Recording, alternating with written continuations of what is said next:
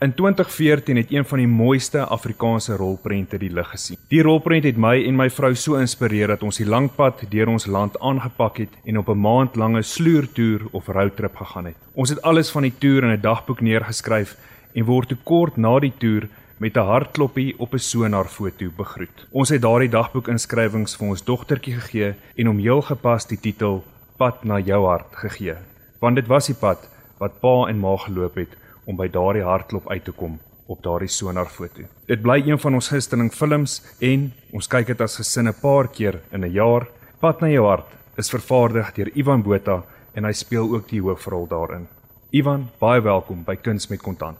Baie baie dankie. Ja, ek het sommer wondervleis met daai storie. Dis nou nie dat ek geweet het nie. Dis 'n baie mooi storie. Ja, en daai rolprent van julle het in 2014 uitgekom. Ons het kort daarna uitgevind ons is swanger en ons dogtertjie is in 2015 gebore en is nou 7 jaar oud. Ivan, so ongelooflik mooi soos pad na jou hart was.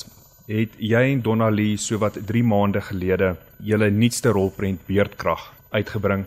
En soos ek en jy nou hier met mekaar sit en praat, ervaar ons ook Beerdkrag. En wat ek die meeste geniet het van daardie fliek, is dat Beerdkrag wys vir jou dat donkerte wys vir jouself die skade wees in 'n mens se huwelik uit. Het jy ervaar dat daar skade wees in hierdie bedryf is? Met ander woorde, skade wees of dalk slaggate waaraan jy al getrap het, want jy is vandag een van die grootste rolprentmakers in die land.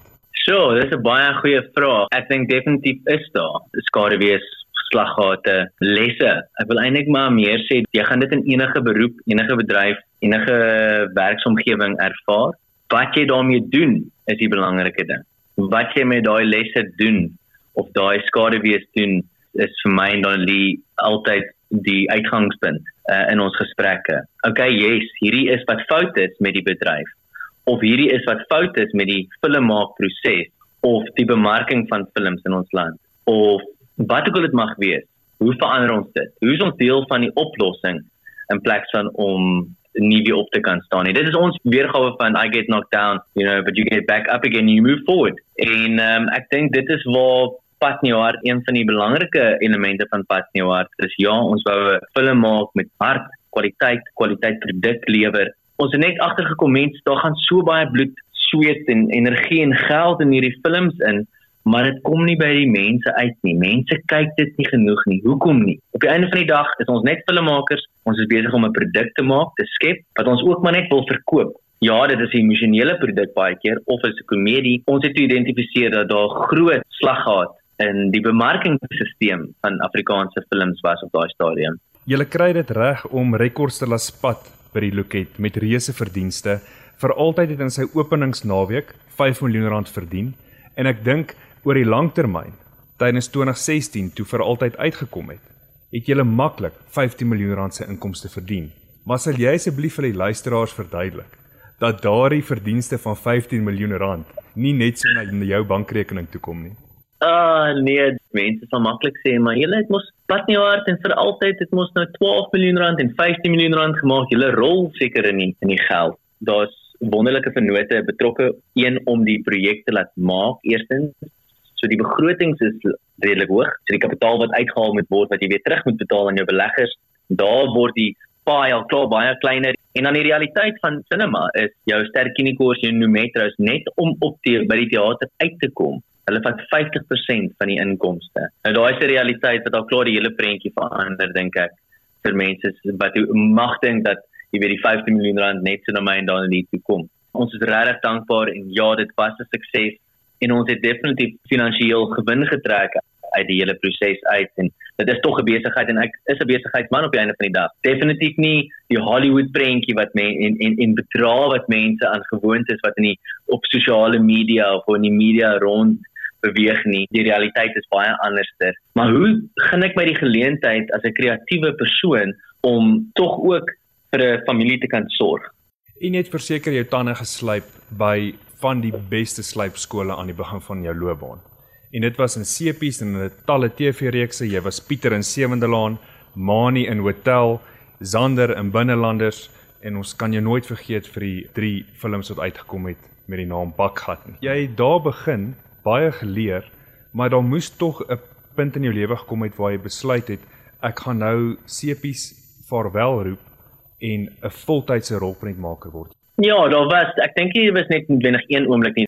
Toe ek studeer het, het ek in regie en skryf ook gespesialiseer. So ek het altyd geweet langtermyn wil ek ook begin skryf, wil ek ook begin regie doen. Ek het nooit die vervaardigingselement noodwendig al toe raak gesien in my studiejare nie toe ek en dan Lise Paai by 7de laan net om vinnig agtergrond te gee.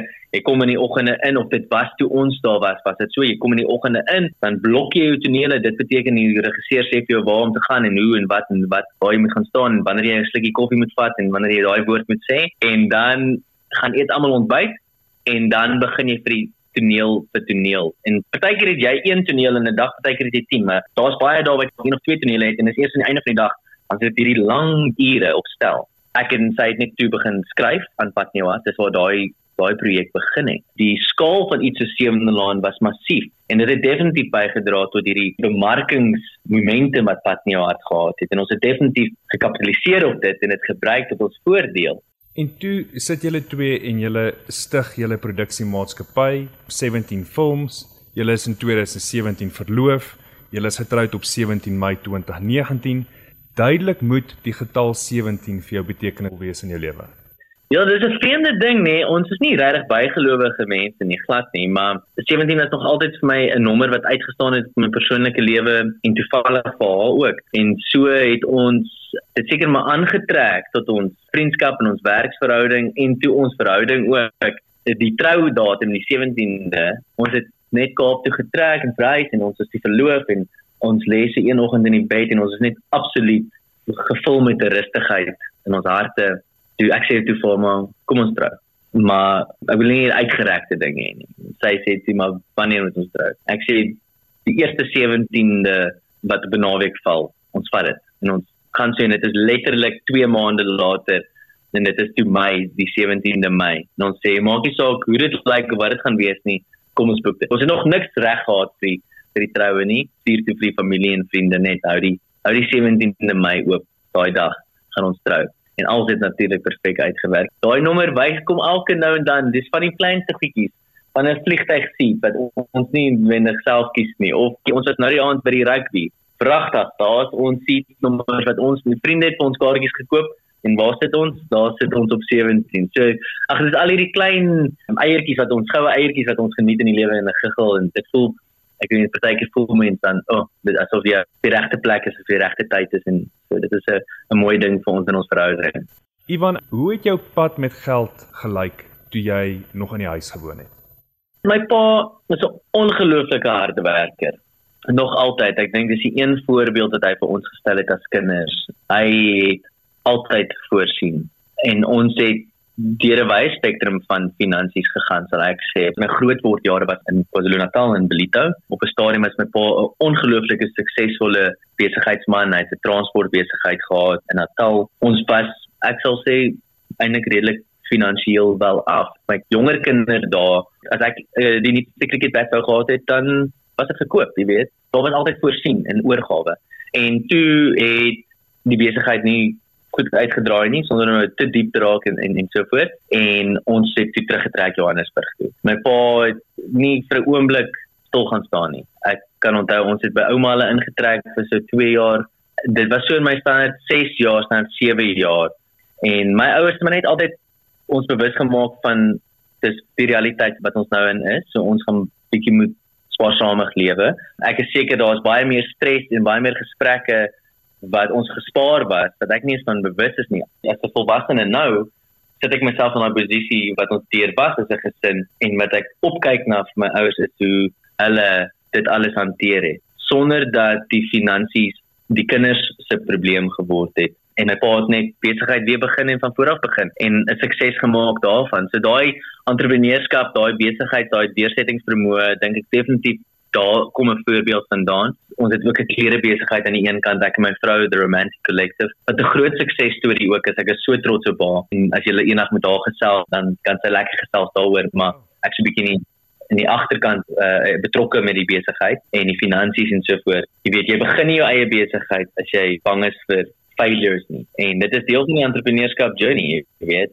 Toe jy in die reeks Blood and Water op Netflix gespeel het, sou jy sê jy verdien meer geld deur 'n produk op Netflix te sit as op ander kanale? Jy kan nie die begrotings vergelyk nie. Jy weet Netflix se mark, net die Suid-Afrikaanse inhoud, uh, Netflix, hulle maak produksies wat die hele Afrika nommer 1 speel en dan hulle platform is massief. Dit is moeilik om daai appels en appels te vergelyk. Ek was net 8 jaar op Blood and Water en as ek net moet eerlik wees oor dit, ja, my dag se fooi as akteur op iets soos Blood and Water is drasties, hoe jy weet, ehm um, in daai opsig. En jou begroting soos ek vervaardig, ek weet nou maar wat die bedrag is binne die bedryf vir 'n produksie, 'n Netflix produksie per minuut of wat die film begrotings is. Tans is, is ons bevoorreg ons het vyf projekte wat ons nog moet uitrol. So uh, my fokus bly daar. Kompetisie is 'n gesonde ding vir ons as 'n filmmaker. Dit is 'n opwindende tyd om 'n filmmaker te wees in in Suid-Afrika. Ivan Botha, jou ouma kyk met groot trots van bo af na jou. Dames en here, hy sal dit nie erken nie. Hy's gans te beskeie. Die rolprentmaker wie se Afrikaanse films nog die rekords en die meeste geld by die Luket verdien het. Ons sien baie daarna uit om met Donnelly Roberts binnekort op Kuns met Kontant te gesels. Ivan Botha, ek sê vir jou baie dankie en ons gaan hierdie insetsel uitspeel met die liedjie Pad na jou hart.